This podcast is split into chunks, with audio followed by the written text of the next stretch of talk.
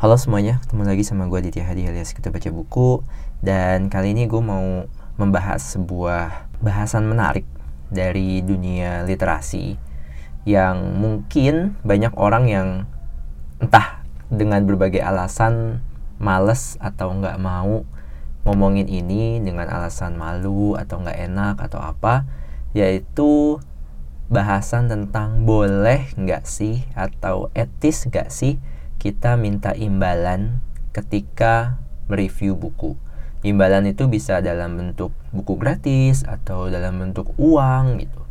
Nah, ini gue ngobrol sama banyak orang dan emang bahasan ini tuh banyak yang orang menganggapnya tabu lah. Mungkin banyak lah kita tahu orang Indonesia tuh kayak kalau ngomongin duit tuh kayaknya nggak enakan gitu. Apalagi orang Jawa gitu. Gue sendiri orang Jawa dan kayak rada pantang sih kayak di keluarga gue tuh ngomongin duit dalam segala hal gitu tapi di dunia literasi menurut gue topik ini menarik banget buat dibahas uh, kenapa gue mau ngangkat uh, topik ini sekarang karena kemarin gue ngeliat sebuah akun Instagram yang milik Mbak Cynthia uh, akunnya at Cynthia with Books uh, dia cerita bahwa dia membahas tentang hal yang sama boleh apa enggak sih uh, seorang reviewer buku itu uh, mendapat imbalan berupa buku gratis atau uang. Yang dimaksud dengan reviewer buku itu kalau dalam pemahaman gue bisa berupa blogger. Zaman dulu kan orang banyak yang ngeblog, kemudian berkembang ada Instagram, kemudian jadi namanya Bookstagram. Kemudian ada YouTube juga sekarang banyak uh, orang-orang di Indonesia yang mereview buku lewat YouTube, mereka namanya Booktube. Dan sekarang juga udah mulai berkembang nih dengan eranya podcast, cuman belum ada namanya sih. Uh, di dunia podcast ya podcaster doang kali ya atau bookcast kali ya. Nggak tahu belum ada yang bikin sih namanya. Tapi Mbak Cynthia ini di akun Instagramnya dia mengangkat beberapa hal. Pertama penulis itu sebenarnya bisa untung dengan adanya reviewer kenapa karena review yang dipublikasikan oleh reviewer itu baik dari blog maupun Instagram, YouTube, podcast itu bisa mendorong orang lain untuk kemudian membeli bukunya yang akhirnya bukunya laris, penulisnya dapat duit lebih banyak. Kemudian penerbit juga dapat keuntungan yang sama gitu. Bahkan Mbak Cynthia bilang, nih quote, quote uh, verbatim ya gue bacain, hanya perlu spend budget kecil untuk mempromosikan buku terbitan mereka ke khalayak luas gitu. Jadi kalau gue ngelihatnya dari sudut pandang Mbak Cynthia bahwa biasanya yang diberikan penerbit atau penulis itu biasanya kecil tanda kutip. Baik berupa buku gratis maupun uang itu masih jumlahnya kecil. Dan Mbak Cynthia juga bilang kenapa reviewer itu layak atau boleh atau etis untuk mendapat uh, imbalan menurut dia karena ya bikin review itu butuh effort kalau di Instagram butuh bikin fotonya kalau di YouTube butuh bikin videonya atau butuh bikin captionnya kata-katanya jadi sudah sepantasnya untuk dihargai gitu. Tapi di sisi lain reviewer juga yang wah gue bikin review nih yaudahlah gue minta buku gratis gue minta uang. Menurut Mbak Cynthia itu harus membangun relationship yang baik dan juga melakukan review itu juga dengan bertanggung jawab kemudian kan Mbak Cynthia ini coba uh, ngangkat lah di Insta Storiesnya gue sempet ngikutin. Menurut kalian oke okay nggak sih? Atau kalian kalau nge-review buku kalian minta imbalan nggak sih? Gini-gini. Terus banyak yang jawabannya enggak kenapa? Pertama mereka belum pede buat minta fee atau minta buku gratis. Kedua kalau emang minta dalam bentuk uang mereka juga bingung gimana sih cara nentuin fee-nya berapa Kemudian yang ketiga ada juga orang yang ah gue nggak mau ah dikasih buku gratis, gue nggak mau dikasih uang karena gue takut jadi beban karena uh, kan nanti dikejar-kejar sama penulisnya, dikejar-kejar sama penerbitnya seperti itu. Nah itu tadi dari sudut pandangnya Mbak Cynthia. Kalau dari sudut pandang gue, gue sendiri uh, sempat aktif di beberapa komunitas Goodreads Indonesia terutama. Kemudian gue juga kenal banyak teman-teman di blogger buku Indonesia dan sejak zaman itu setahu gue uh, imbalan buku gratis untuk para reviewer itu emang udah ada. Kalau kalian ngeliat di goodreads.com itu banyak review-review di dalam maupun luar negeri yang itu tuh ada kayak terutama luar negeri sih. Jadi mereka cantumin tuh di reviewnya kayak mereka tuh dapat advance copy atau dapat buku ini duluan untuk Hanes review. Jadi penerbit atau penulis ngasih mereka buku biasanya lebih cepat dari uh, waktu terbitnya untuk pertama kalinya. Jadi misalnya rilis itu tanggal 1 November.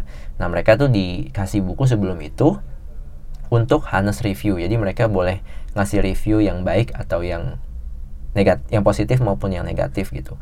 Dengan harapan dengan adanya review itu tuh bisa ngangkat uh, penjualan buku itu ketika terbit gitu.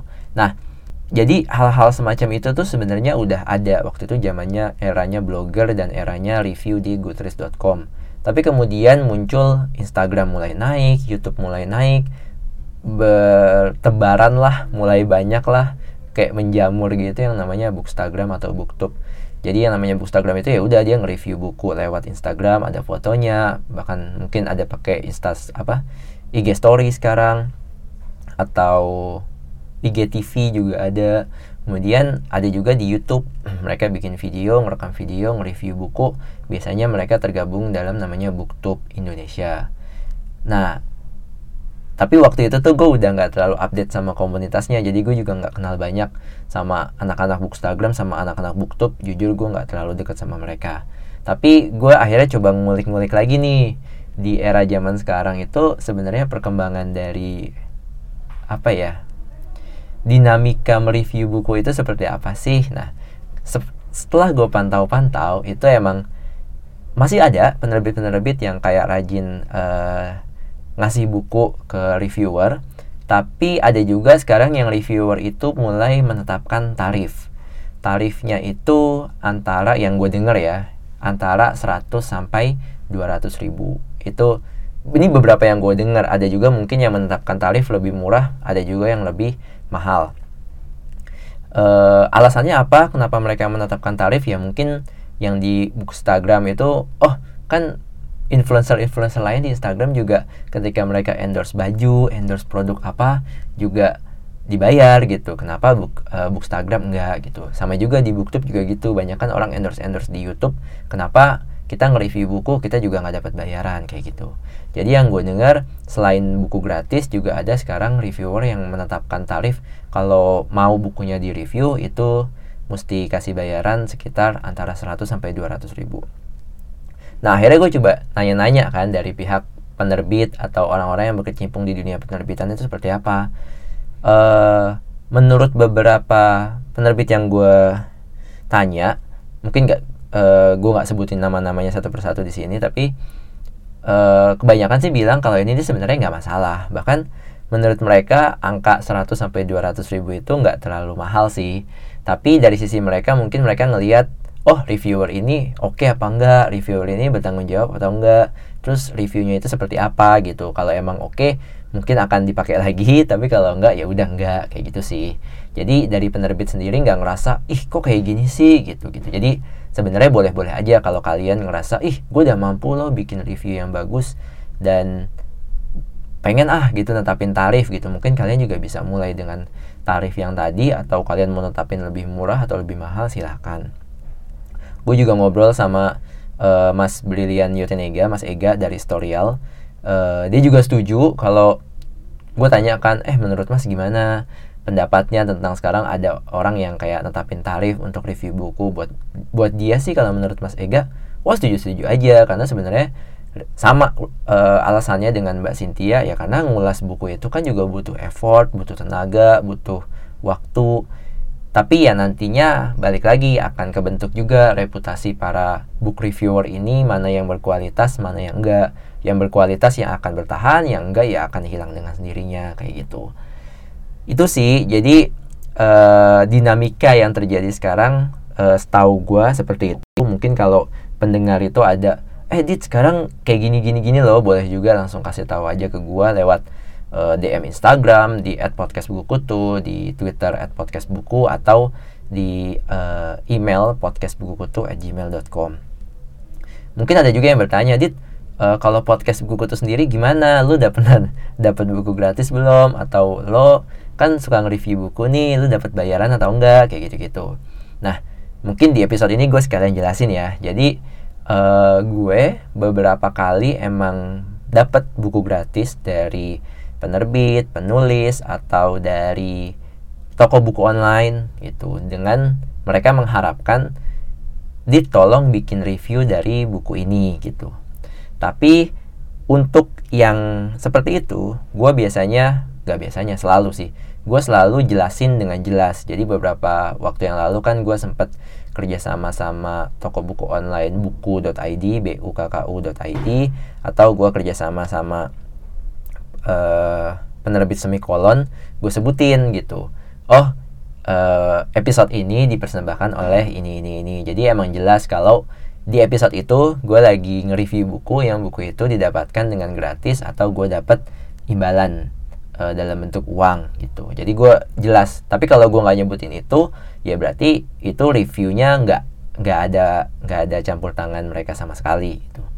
Gue sih bikin gitu biar jelas aja ya gitu. Karena dunia podcast ini juga lagi berkembang nih sebenarnya bagaimana sih cara kita mendapatkan ada beberapa podcast yang sekarang udah mulai pakai adlibs tapi ada yang beberapa menegaskan oh ini emang adlibs tapi ada juga yang Eh, nggak uh, bilang-bilang jadi secara halus aja yang gak ada masalah juga sih untuk itu.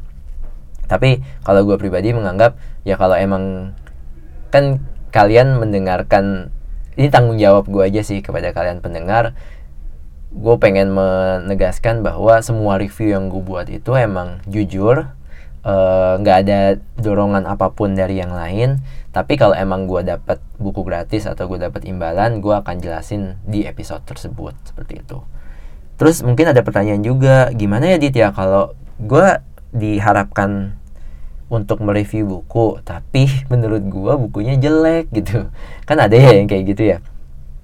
Kalau gue sendiri sih gue komunikasi dulu sama orang-orang yang mau ngasih buku atau mau ngasih fee tersebut, penerbit, toko buku online atau penulis. Jadi gue bilang kalau gue nge-review ya gue maunya jujur, gue nggak mau bohong, gue nggak mau buku yang jelek gue bilang bagus gitu Nah, mereka kayak gimana biar mereka tuh bisa jaga ekspektasi juga. Nah, ada beberapa uh, pihak yang kemudian bilang sama gue, Dit, kalau misalnya jelek, minta tolong nih, gak usah bikin reviewnya aja sekalian, gak apa-apa gitu. Gue ngerti uh, lo kan mau reviewnya secara jujur, tapi ya kalau emang bukunya jelek ya udah gak usah di review aja sekalian, gue nggak apa-apa gitu. Nah, kalau gitu kan lebih enak ya, jadi ya udah kita kita to the aja. Eh mas bukunya menurut gue kurang oke okay deh karena A B C D E, e gitu. Tapi nggak langsung disebutin di di uh, di reviewnya gitu. Nah makanya tuh sebenarnya gue kayak memutuskan untuk buku-buku yang populer yang ini tuh harus gue review gitu. Itu biasanya gue uh, nggak mau. Bahkan so far sih belum ada ya belum ada yang kayak nawarin eh, ini buku populer coba review. Terus kemudian jelek terus gue nggak jadi bikin reviewnya gitu nggak ada. Jadi so far gue sebisa mungkin kalau bukunya emang itu populer gue langsung beli sendiri gue baca sendiri. Jadi nggak ada kayak paksaan atau nggak ada hambatan untuk gue nge-review secara jujur sih. Jadi gak usah khawatir semua review yang ada di podcast buku itu ini jujur dari gue nggak ada nggak ada campur tangan dari penerbit atau penulis atau toko buku online tapi ya beberapa ada yang emang disupport sama mereka gitu aja sih. Mungkin kayak kesimpulannya kalau dari gue pribadi sih ya tadi kan mbak Cynthia udah gue udah sempat jelasin di atas kesimpulan dari dia tapi kalau gue sendiri boleh menyimpulkan sama mungkin mirip-mirip jadi nggak masalah gitu. Jadi nggak ada masalah buat kalian itu buat nanya ke toko buku online atau ke penerbit atau ke penulis eh gue mau nge-review buku ini mau nggak kalian ngasih buku gratis ke kita? Atau eh gue mau nge-review buku ini tapi kalian bayar ya sekian ya nggak apa-apa juga. Tapi kalau ditolak ya nggak usah ngambek gitu nggak usah sampai keluar-keluar di sosmed atau apa ya udah gitu kan. Itu kan just just just business as usual aja. Dan yang kedua ya gue sih berharapnya nggak ada review yang bohongan ya. Jadi kalau emang yang namanya review ya udah jujur aja gitu. Makanya di podcast ini juga gue selalu bikin review tuh ya ya suka-suka gue aja gitu. Yang emang apa yang gue rasain ya udah itu yang gue omongin. Uh, kalau bukunya bagus ya udah gue bilang bagus. Kalau bukunya nggak bagus ya gue bilang nggak bagus juga jadi nggak artinya kita mau mendorong industri buku terus semua buku dibilang bagus nggak juga. Kita harus akui ada buku-buku yang nggak oke okay, gitu. Dan ini kan pendapat pribadi ya. Tapi dengan begitu kan kita bisa jadi kayak semacam kurator lah buat teman-teman kita. Mungkin teman-teman kita banyak yang eh gue pengen baca buku tapi gue pengennya yang bagus dong gue pengen yang ini. Nah itu kita kan jadi kurator juga gitu. Jadi review kita tuh bisa membantu mereka dalam menentukan apa yang harus mereka baca setelah ini. Jadi nggak oh semuanya bagus semuanya bagus. Akhirnya mereka kecewa kan gak enak juga gitu. Ya ini semua demi industri buku yang lebih baik sih. Dan mungkin di sisi lain kayak penulis penerbit atau toko buku online kalau emang bukunya itu dibilang jelek ya udah nggak usah nggak usah nggak usah baper juga. Ini kan cuman ya bisnis as usual balik lagi gitu I think itu aja sih yang mau gue bahas. Uh, kalau kalian punya ide saran masukan topik apa yang mesti gue bahas atau buku apa yang mesti gue review atau tokoh penulis atau siapa pun di dunia literasi yang di uh, wawancara dia dong gini-gini. Nah boleh langsung aja uh, eh, DM gue atau komen di at podcast buku kutu Instagram atau di Twitter at podcast buku atau ke email di podcastbukukutu at gmail.com buat kalian yang suka sama karya-karya gue di podcast buku kutu ini uh, silahkan langsung follow, subscribe, uh, like, share dan lain sebagainya podcast ini bisa kalian dengarkan di berbagai platform podcast favorit kalian mulai dari Spotify, SoundCloud, Anchor, Apple Podcast, Google Podcast dan yang lain-lain I think that's all for now. Thank you for listening. See you and ciao.